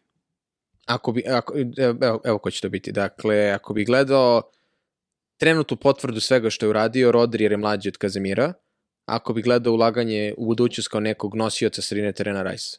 Dobro, ali koliko je razlika u godinama između Rice i je 99. godište, a, A, Ja, ja, ja mislim da razlika između njih maksimalno tri godine. a Rodri 96. godište, da. Tri godine. Da, da, i on ulazi u najbolje godine. A pričaš o Modriću, na primjer, koji Dakle, ima koliko 38 Pa pazi, pa Kazemiro je 92. godište, ako mi se čini, dakle, nema 39 godina, dakle, on je u najboljim Jeste. godinama, ali nekako bih se držao Kazemira ako bih gledao opšti utisak u karijeri do sada kao neko ko je proveren, koji je Pa dobro, i Manchester okej. United učinio mnogo boljim kada je stigao, dakle, može pa Apsolutno. Kazemiro. Kazemiro, a? Da. Znači, trebalo da izanalizira sve, pa da, pa da se Da odluči. se vratimo dalje, A, ti? dobro. Uf, pa znaš kako, kako sad ne... Evo, dobro, ti navijaš za United, pa si rekao Kazemiro na kraju. Da. Mislim, Ti najviše Ja- ja... City, pa ćeš za Rodrije. da, pa ne, mislim, za, sigurno u startu Rajsa ne bi uključio na, na, na, na nivo Rodrija i, i ovog Kazemira. Koliko god je on trenutno sad popularan i zbog cene i zbog toga što dolazi u Arsenal, svakako brutalan igrač. Analizirali Da. smo to već u, u prošloj epizodi, ako se ne, ne, pretpošaj. Ovaj, mislim da Rice ipak tu i dalje ne može da se ovaj, izjednači Da, sa, mislim, sa, Rice sa, je trenutno po tom nekom karijernom rezimeu trenutno Jedan korak može- da, iza. iza, tako je, da. Uh, Ali eto sad Arsenal ima priliku da napravi taj pravi iskorak. Apsolutno, apsolutno. Uh, što se tiče Rodrije Kazemira, da je pitanje bilo pre, na primer, dve sezone, odnosno dok je bio Kazemiro u Real Madridu, definitivno Kazemiro, da. Da. Mislim, to prosto bez dileme. Ali mislim da smo došli već do momenta kada je Rodri toliko podigao svoju igru, da je možda i najbitniji šraf u ekipi prošle sezone, mislim na kraju ovi Da. golovi koji su postignuti, ok, ne možeš sezonu da ovaj, ocenjuješ na osnovu jednog gola, ali mislim da smo došli u trenutak kada je već Rodri preuzeo trenutno tu krunu od Kazemira, kada bi dovodio, definitivno Rodri. Ali, uz svo poštovanje Kazemiru, mislim, uspesi koje je on postigao u Real Madridu, sad ok, neko će reći, znaš, postigao je sve to, lako mu je kad ima Krosa i Modrića na, na sredini terena, ovaj, ali kad pogledaš ti statistiku Kazemira od prošle sezone u Unitedu, čak ne, ne, Dok ne, ne god su bili zdravi, dok god su bili zdravi i Varan i Lisandro pozadi, to ona statistika koju sam par puta isticao, Da. United sa Kazemirom, United bez Kazemira, defanzivne brojke, njegov kompletan uticaj na energiju tima, sve prisutnost na terenu. A vidi, da samim nešto- tim što mi pričamo o ovome kao titulni najboljeg zadnjeg veznog, ti odmah Da. govori da je to Jeste. ozbiljan Mislim, kvalitet. Ali... Ja, naterao si me da razmišljam o tome da na kraju hoću kažem da bih doveo svu trojicu, pa eto, nek se pa gde ćeš ih? Da, mislim, o, zavisi kako gledaš, ja na, na futbol menadžeru sam uvijek želeo da izaberem nekog mlađeg, jer sam uvijek želeo da imam neko kao na duže staze, da, Da. se neko razvija, mada Declan Rice ima 24 godine, 99. godište, dakle nije dete od 17 godina, ali i dalje mlad, mlađi malo od uh, Rodrija, malo više mlađi od Kazemira, ali trenutno, sad kad smo lepo analizirali, sva trojica su u nekom naponu snage, Declan Rice-u možda fali još par godina da bude kao na nekom vrhuncu možda forme ili karijere, ali trenutno je Rodri tu, ne mogu da kažem da je Kazemir u nekom padu, jer kada je došao United je video si kakav faktor bio, sad ćemo vidjeti na novoj sezoni kako će da se Rice nađe u Arsenalu i da li će Rodri da potvrdi to što si rekao i kako će United izgleda sa izdajim štoperskim tandemom i sa određenim pojačanjima sada kada ima i Mounta ispred sebe koji će moći da vrši taj pritisak koji Eriksen možda ne može da više, isprati. više biti zapravo pored njega, dok će Bruno pa biti mislim, ispred. Da, ali će biti malo ispred Vidjet svakog. ćemo kako da. će da funkcioniše. Da. Dobro. Idemo Ajmo dalje. Mm, Čije će minute Havertz uzimati? Najverovatnije Džakine, pošto on na toj nekoj sad zamišljam da on, da je on doveden kao neka modernija verzija Džake koja je više ofanzivna. A, šta ti misliš o tome? Pa ne znam, to, to vidiš, to je, to je dobro pitanje. Suludo mi je da uh, za cenu koju su ga doveli da on bude pojačanje koje će biti na klupi, to mi je Da. suludo. Ove, Ono a isto. onda opet sredina terena Rice, Havertz, Odegar. Nekako mi je to previše ofanzivno ovaj, i nekako previše ostavljaš Rajsu taj problem da tranzicije i, i, i same, samo pokrivanje sredine terena, ali opet ne bi me čudilo da, da vidimo Havertza i na špicu. Pazi, ja Znaš- mo mogu da zamislim Havertza kao neko, neku alternativu Žezusu, ali nikako Pa da. ne mogu da zamislim Havertza ispred Žezusa u špicu da Žezus bude na klupi. Isto kao što mi je malo verovatno da će Saku da neko izbaci se pozicije. Možda neka, ro- tek mi ni sa Martinenom nije logična rotacija. Ja verujem da će Arteta možda pokušati da napravi neki sistem gde će da mu budu i Rice, i, ha i Odegaard, i Havertz, uh, Znam, znaš šta, Džaka i Havertz nisu isti tip igrača. Nisu, ali ja mislim da je Havertz upravo doveden zbog možda boljih uh, ofanzivnih uh, atributa. Pa da, ali to ja onda ne vidim situaciju gde, gde je sredina terena Odegar, Havertz, Rice, trenutno. To mi je malo problematično. Znaš, a, a ja se baš ne bi da. čudio da Havertz preuzme... Ali za, za, zato ti kažem, ajde. Stvarno sam pripremne utakmice. Možda Pa će da, da, naravno, Zbog naravno. toga, moja, moja pretpostavka, čije će minutu uzeti je da će onda upadne na Džakino mesto, da neće mnogo da škodi, sigurno ne Odegaardu i sigurno ne Saki, tako mogu dam ruku da oni sigurno neće da budu neko ko će se rotira sa Havertzom. Žezus u možda par navrata, ali ne verujem da je Žezus isto projektovan da bude zamena Havertzu i da se rotira. Čak mi nekako delo da će Martinelli pre Trossard da ugrozi minute na toj poziciji, da će oni da se s vremena na vreme rotiraju. Sada Arsenal ima i ligu šampiona koju igra, dakle ima Evropu. Tako je. Dakle, mi možemo da zamislimo da Havertz i regularno igra i Premier ligu i da može u Ligi šampiona umjesto Žezusa neku utakmicu startuje ili da se nešto tu ukombinuje, tako da to moramo da sačekamo, ali Da. na prvu loptu minuti koje bi on trebalo nekome da preuzme, Džaka je bio starter, tu bi trebalo da se ubaci Havertz, isto kao što mislim da će umjesto partija Rice, da, Da, da, tu, me, tu me interesuje sad da li će Arteta menjati formaciju. ja mislim da će nešto da malo izmeni, ali ajde da Ako Sad bude menjao, da bi ostavio prostora i za Havertza i za, i za Odegara, ako gledaš kao Da. prednje vezne, ja onda vidim da će jedino što, jedino što može da uradi iz nekog mog mladičkog ugla je da kopira formaciju City od ove to, sezone. to sam se čekao Znaš, da kažeš. i- I... Ubaci Zinčenka, kao... E, ali Nežičanka, ne dovode oni Timbera za džabe. Može, Timber je jedan, jedno ozbiljno onako pojačanje koje je za malo završilo u, u, u Unitedu. Pro, da, prošle sezone. On je izvorno desni bek i štoper u isto vreme, ali njegov, njegovi najveći atributi su ta kontakt igra i pod pritiskom rešavanje problema i dodavanja. A znaš ko je njemu kontra statistički generalno trenutno sad u Premier Ligi? Ko? Jedan John Stones. Pa I da, sad, Arteta pravi mali City zapravo. I sad, ne, ne, vidi, ne, ne, ne, ne, neću prosto ni Da. ono, mislim, okej, menja formaciju kako god želi, ali ako to bude uradio i ubaci Timbera, na primer, da bude u paru sa Rajsom, kao, kao dva a, a, a, zadnja vezna, gde će se Timber povlačiti na desnog beka ili na, na drugog štopera, što je Stones radio, E onda u toj situaciji ti sad već imaš četvoricu napred, gde imaš Martinelli i Saku na, po bokovima i imaš Haverca i, i, i, i Odegara kao dva, dva sred, srednjaka i ispred njih jedan Žezus. E, to je onda već okej. Ali ti tu onda, znaš, treba da vidiš koju ćeš trojicu imati. Da. Znači imaš Salibu, imaš Gabriela i ko je taj treći pozadi koji može da se izvuče na beka. Jel može to Žičenko baš da uradi? Znaš, Na to levu je... ili desnu stranu? Pa ako kažemo da Timber ulazi dakle, ako kažemo da Timber ulazi sa sredine na centralnog štopera, onda jedan od štopera mora da popuni desnu stranu. Znači, ili Gabriel može ili. Saliba. Fight, Tigro i Bek. E, onda može White. Da, zaboravio se na White. Znači, White u toj situaciji može da bude jako dobra opcija. Da imaš Whitea, Gabriela i Salibu. I Timber, kada se Arsenal brani, prelazi na centralnog, White prelazi na desnog ili obrnuto. Da. White ostaje na sredini, a Timber na desnog. Eto, rešili smo Havertza. I onda, Arteta, ali to čujemo je- da, pa dobro, ovaj, to je na Fiverru naplaćujemo usluge.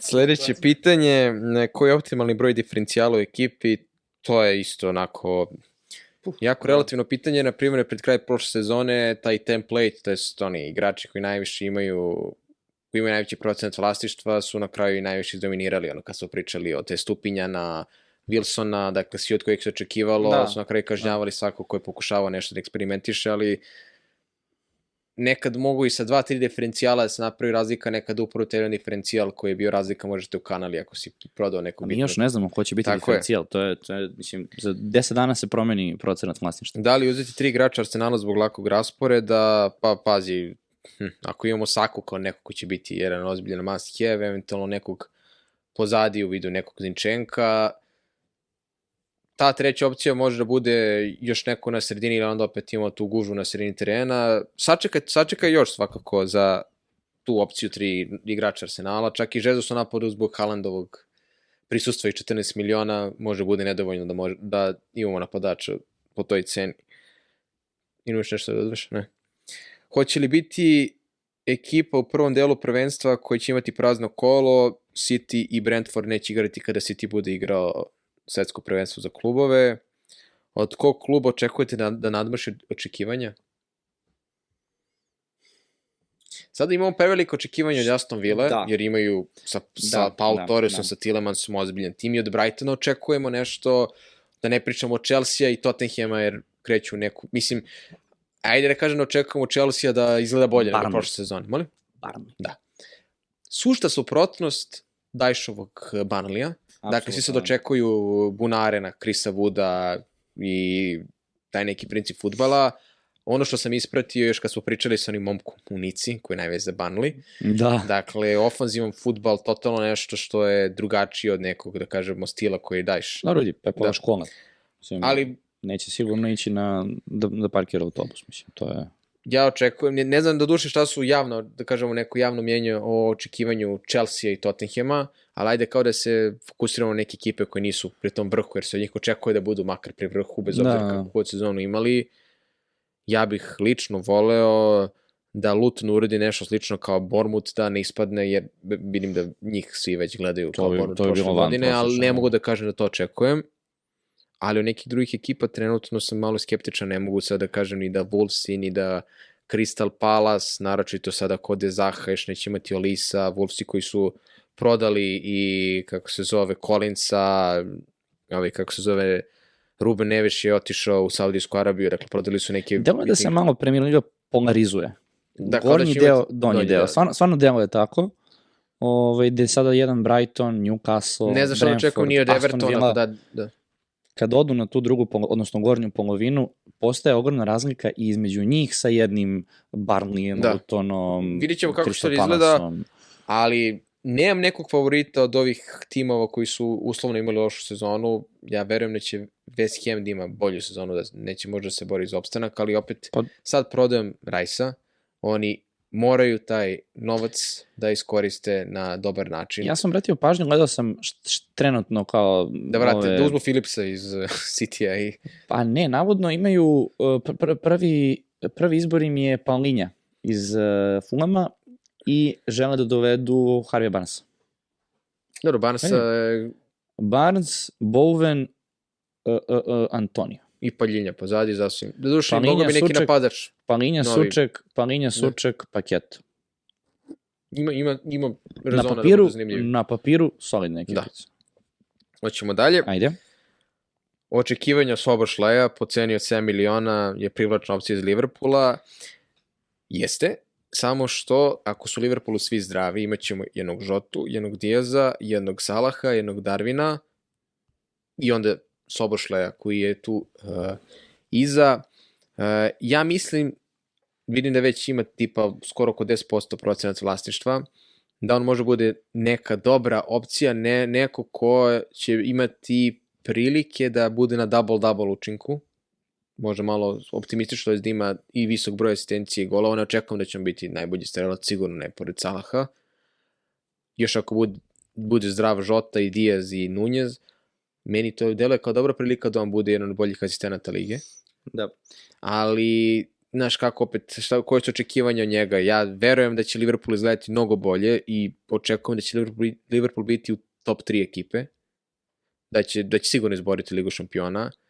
I još sada kada su konačno uradili nešto sa dovođenjem igrača na sredini terena, još pred kraj prošle sezone kako je promenjen taj sistem da si Arnold uvuku na sredinu, video si kako su vezali pobede i dobre rezultate, ali ne mogu opet da kažem da sad garantujem da će Sobošlaj da ima 15 golova i 10 asistencija, pa se povredi, nesnađe ili promaši neke šance i onda posle bude ništa od Sobošlaja. Tako da ja mislim da može, još ako se uklopi lepo u klopov sistem i ako se Liverpool, Liverpool nastavi kao što je radio u posljednjoj trećini sezone, da može bude odličan i za fantasy i naravno za Liverpool. Uh, kad je došao Dominik, sećaš se šta sam ti rekao, da, to, me, to mi je baš bilo onako malo iz nekog navijačkog ugla ovaj, žao, uh, jer ja njega dosta cenim ovaj, i taj period Leipziga na Kunku, Dominik, Dani Olmo koji je došao zajedno sa Guardiolom, uh, cijela ta ekipa koja se, dobro, Timo Werner, ajde tu i tamo, dolazio, odlazio, um, Dominik je jedan od jako, jako velikih talenata i ono što je, Kev, po čemu je Kevin prepoznatljiv, ta ubacivanja i ta opcija gde on može da tu loptu zarola onako i da ona obiđe celu Kifla. defanzivnu tako je liniju i da na kraju Da. dođe do, do određenog igrača, malo igrača to ume, Dominik to zna. I ako postoji neki igrač koji po tome može da se kaže da podsjeća na Kevina De Bruyne, to je Dominik. To je što rekao, double-double koji Tako je. Može Pritom, da bude- Dominik je celu prošlu sezonu igrao na desnom krilu. Dominik je jako brz igrač. E, može da igra prednjeg veznog, može da igra krilo, ali on ima jako, jako dobre napadačke atribute. Mene stvarno ne bi čudilo da je Dominik zapravo klasična zamena za Roberto Firmino. Roberto Firmino, kad je došao u Liverpool, došao iz Hoffenheima i bio je prednji vezni. On je bio, on je bio špic. Došao je kod Klopa i Klop ga je prebacio na tog špica, odnosno nekog, to nije ni false nine, ali je davao zbog njega prostora Maneo i Salahu da budu zapravo ta prednja krila. Mene ne bi čudilo da on posle mesec dana kod Klopa pređe upravo na ulogu koji ima Firmino u toj sezoni i da Dominik bude taj ovaj, treći igrač u to, to, to, toj prednjoj liniji, što će biti dosta onda popularno s obzirom Pa da, da, da, da, je- tu- da je veznjak. Tu meni iz ugla fantazije uvek sad pitanje Salah je zakucan, to je, nije pitanje da li će igrati, neće igrati, ali šta ako, na primjer, zbog dobrih partija Sobošlja, neki Darwin izgubi minute, Tako je. to je, to je, to je, na primjer, mana kad imaš ozbiljenu koncentraciju kvalitetnih igrača koji mogu da budu odlični za fantasy i sad staviš, ne znam, Diaza, staviš Nunjeza i neko drugih izbaci iz startne postave, Žotu koji može da pokrije tu i više pozicija, tako da još je prerano, ali da ima potencijala ima. Da li je bolje imati dva premium igrača ili, na primjer, Salaha i Haalanda ili samo Haaland? Pa to je isto relativno pitanje kako, kako ko hoće da kreira svoj tim. Mislim, i sa Haalandom i sa Salahom teško da može da ima još skupljih igrača koji su tako oko 8-9 miliona na sredini ili može se pozdravi od drugog napadača ili da totalno odbrana ode u 4-4,5 ali to opet zavisi od sezone. Ja i dalje ne mogu sebe da zamislim bez Salaha, znam da moram da imam Haalanda jer šta god uradi ja ga nemam, to je katastrofa. Sad, mnogi ljudi će imati Haalanda ne zato što ga silno žele, nego da je on prosto odbrana od drugih ljudi. Steel ili Pickford za početak sezone? A, Možda, Dajš, Možda- inače, statistika kaže, nije uopšte poboljšao nešto odbranu Evertona kako je došao, do duše, ja sam, ja mo- možda ni jedan. ja sam čekao da vidim kako će da izgleda Everton na početku, na pripremama idealno, priprema nova sezona, ali ne mora da znači će da je napravi od Evertona apsolutni Barnley, pa da je Pickford zakucan i da se uzme neki Tako Tarkovski da. koji igrao isto u Barnleyu. Neka, neka bude Onana. Da, ako dođe. A, sa koliko premium igrača krenuti mišljenje o napadaču Lutona Morisu? Dakle, već se priča dosta o i svim premium igračima, do duše nema ih mnogo, i o tim jeftinim opcijama.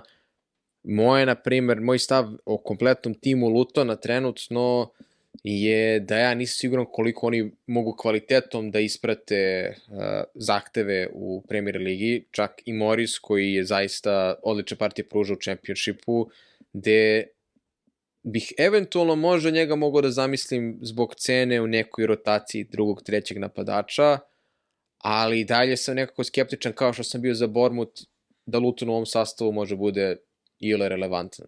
Dakle, ja verujem da će on da se pojačuje, da vidimo prvo kako će to za stadion da izgleda, da li će da nekako što budu primorani da rekonstruišu, da rade, ali redko kad sam imao nekog napadača osim Mitrovića koji je te, igrao već u Premier Ligi, pa i moglo da se očekuje da mogu da uskoče, ali pre bih ciljao nekog jeftinog defanzivnog igrača iz Lutona.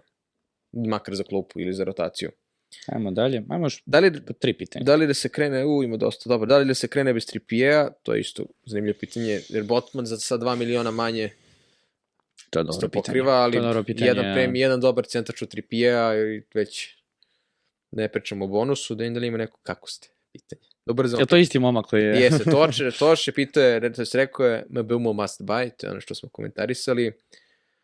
Kog igrača očekujete da eksplodira naredne sezone? Ja bih volio Son, mislim, to nije kao da će prvi put da eksplodira, ali Da. ako imamo neko ko je ono, apsolutno nov, Če, očekujemo ili bi hteli? očekujemo. Aha. Pa evo, na primer, a da opet ne budem subjektivan. A, mislim, kao, ne, Sa tri, sad će 52 gola. ne, Foden.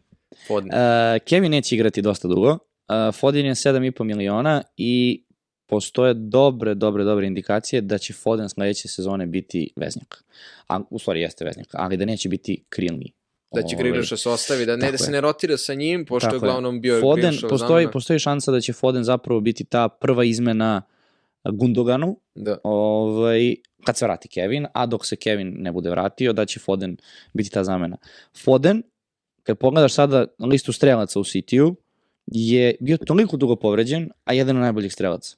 Onaj deo sezone, kada su igrali i Foden i Haaland u paru, Ono protiv Uniteda. protiv Uniteda, o, ono je bilo ne, ne, nešto što se nije ponovilo. Ako se potrefe kockice, ovaj, a verujem da za cenu od 7,5 miliona stvarno ne pričamo o nekom igraču koji se tek probio, nego ipak ima neko ime, mislim da je Foden ozbiljna, ozbiljna dobra investicija na sredini terena. Slažem Čak se, apsolutno. i pre Odegara, na primer, makar za početak sezone. Jel ima vremena da još neka brza pitanja? Pa ideš dva. E, Tirent Aleksandar Arnold mnogo je skup sa 35% vlasništva, ako nemam njega imaću Šoja i 2,5 Soma. Da, ali opet to je ono što sam rekao na kraju prošle sezone. Mene je koštalo to što na kraju nisam imao Trent Aleksandar Arnolda. Ako bude igrao, verujem da će igrati dalje na ovoj novoj poziciji, to je da neće biti samo back, sa Sobošlajem, sa zdravim napadom, ja bih se mnogo više plašio da ga nemam nego da ga imam. I tako to prosto pokušavam da gledam. Bolje da ima dva poene da je u mom timu nego da donese 17 poena i da ga nema u mom timu, da ga ima 50% ljudi. Prosto tako gledam. Legit. Skupo jeste, ali verujem da su i ljudi koji biraju ko će ko- koliko da košta, gledali taj kraj sezone i vjerojatno su bili u nekom, kažemo, u fazonu, pa da, mora da se prosto da veća cena, on ako, ako bude igrao, očekuje se od klopa, jel te, da to može bude dosta podao ove sezone.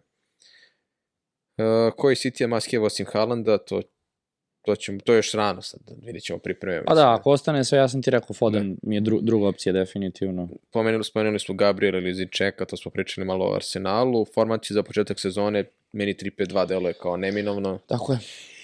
Kakva sezona Salaha je ispred nas po nama, ja očekujem bolju sezonu nego prošle, sezone, nego prošle godine, pre svega ako su svi zdravi i ako mu tim isparira partijama kao što je on u jednom trenutku pružao. Da? Braćo, kad će biti sledeći pub quiz? U, e, pa to bi trebalo u avgustu, početkom sezone. E sad, datum, jedino što znamo lokacija. Da. E sad, datum i kada ćemo organizovati, svakako ćemo javiti. Ne prati niste. E, Ajmo hvala, posljednje ne, pitanje. hvala Bogu, ostalo su, dakle, samo da ispoštujemo, spojimo momka koji nam je postavio četiri pitanja u nizu. Wow. Da li u VIP ima nedeljnih nagrada, to smo rekli da nema, ali u slučaju da se obezbede, bit će, Postoji šansa. bit će obavešteni svi. A, svaka čast za sve određeno do sada oko podcasta, da li može još jači bolje, može naredne sezone Uvek. sve. A, da li smatrate da je ok potez što je no kuku poslednje kao napadač, to je ono što smo pričali o njegovoj poziciji. Pa jedina stvar koja se meni tu ne sviđa, ako on postiže dosta golova je da donosi manje pojene nego ako igrač na sredini terena, ako pričamo o fantaziju. Dakle, zašto je Richarlison kakav god daje, kakav, kakav god sezonu da imao, ako ode Kane, ako njega gurne e, posle koglu špica i ako Tottenham zablista da je on kao veznjaka zapravo napadač može da donese 10-15 golova, Ali opet ti ne znaš da li će oni done, done, dovesti zamenu. to jest. Znaš, Da li će Kane uopšte da ode? Ili još gore u I Manchester. United, pa kao ostaje da, delo, je- League. delo, je- delo je nekako Da, delo je mnogo to daleko je, od toga. to je, da, nemoguće. Dakle, Son ili Salah, obojica. Čudi me da Nkunku nije veća cena. to može bude. Pa to. evo, Da. svi su ovo razlozi koje sam nabrojao, zašto mu je ta cena? Evo za tebe još jedno pitanje, završamo. Koliki će biti izostanak Gundogana i da li mislite Kovačić, Kovačić je idealna zamena? Uh, izostanak ogroman, uh, ogroman, ogroman. Ja mislim da je generalno na tržištu sada zameniti Gundogana jako teško. Eventualno igrači tu koji su neko njegovog kalibra su uh, Barella. Uh, Koji će vjerojatno ostati u Interu na kraju, izgleda. Da. Uh, pa, znaš kako, Frenkie de Jong, prošla sezona tu i tamo, neki atributi su bolji, ali nije toliko ovaj, ofanzivno ovaj, ne, da može da parira Gundoganu. Ovaj, I ko je tu još eventualno na sredini terena, mislim, Valverde, Valverde, on je tu negde, tu i tamo, ali jako, jako teško. A misliš jako da će teško. Arsenal Mislim moći da parira City-u sa ovim timom? To je isto pitanje, pa da te pitam.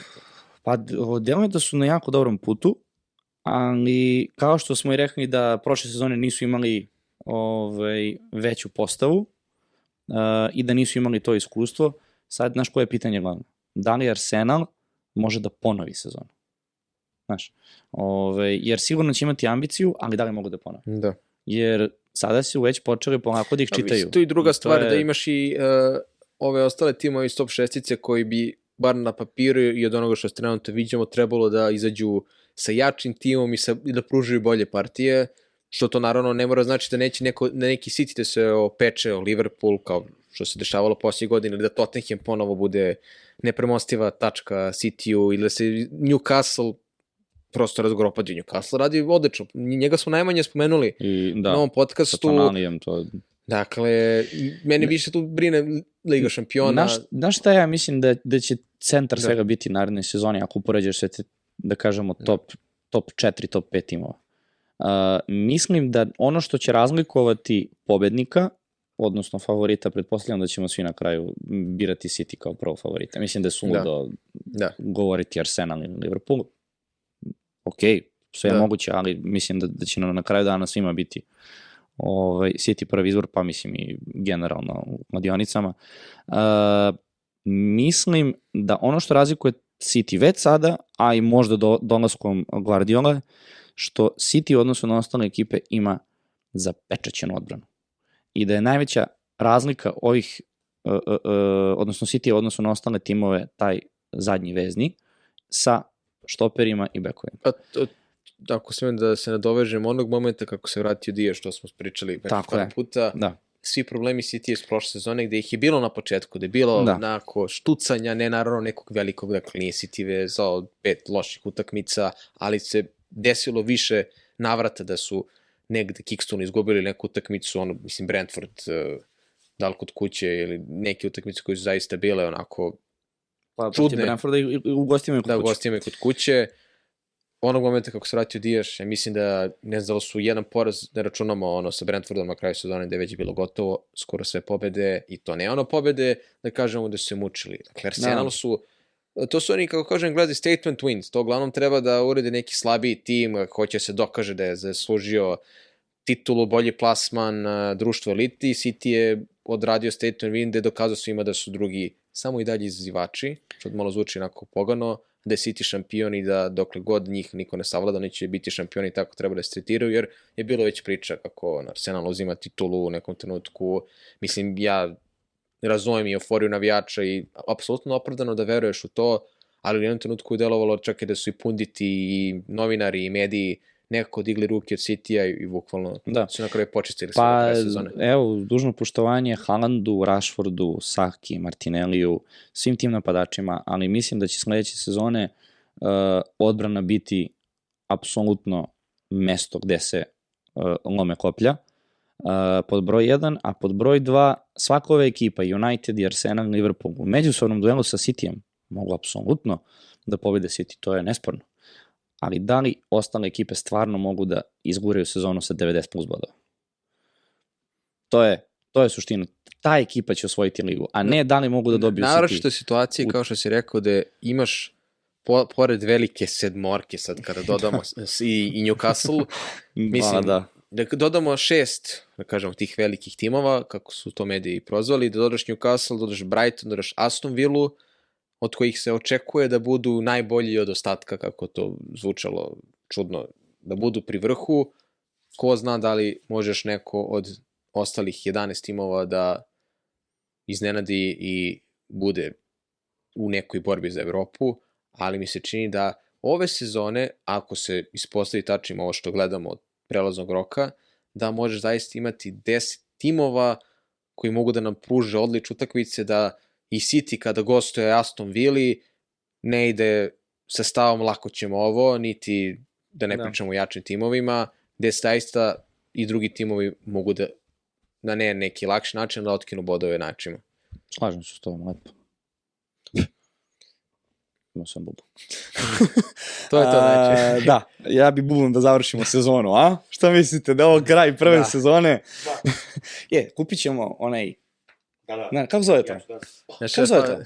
Sad, onako kao na kraju predstave, Gong.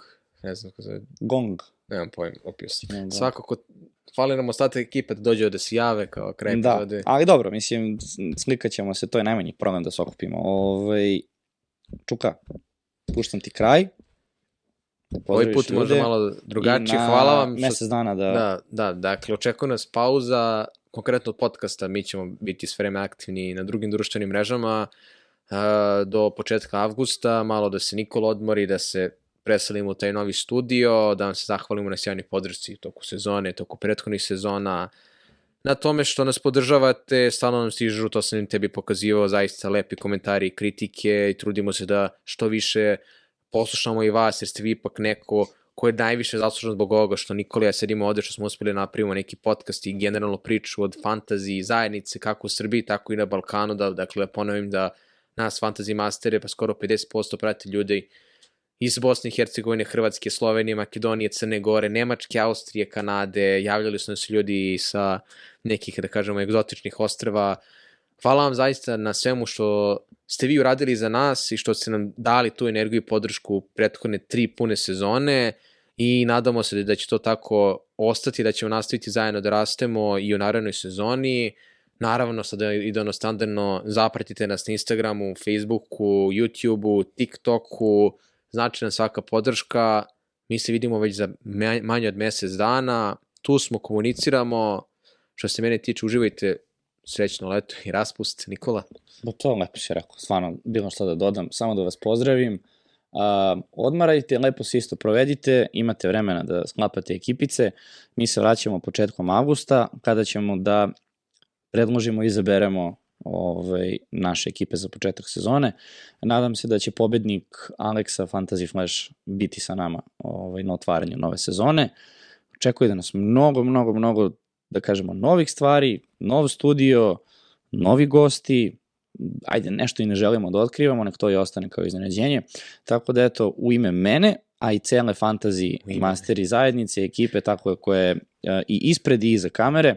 Pozdravljamo vas i vidimo se početkom augusta. Ćao društvo! Ćao!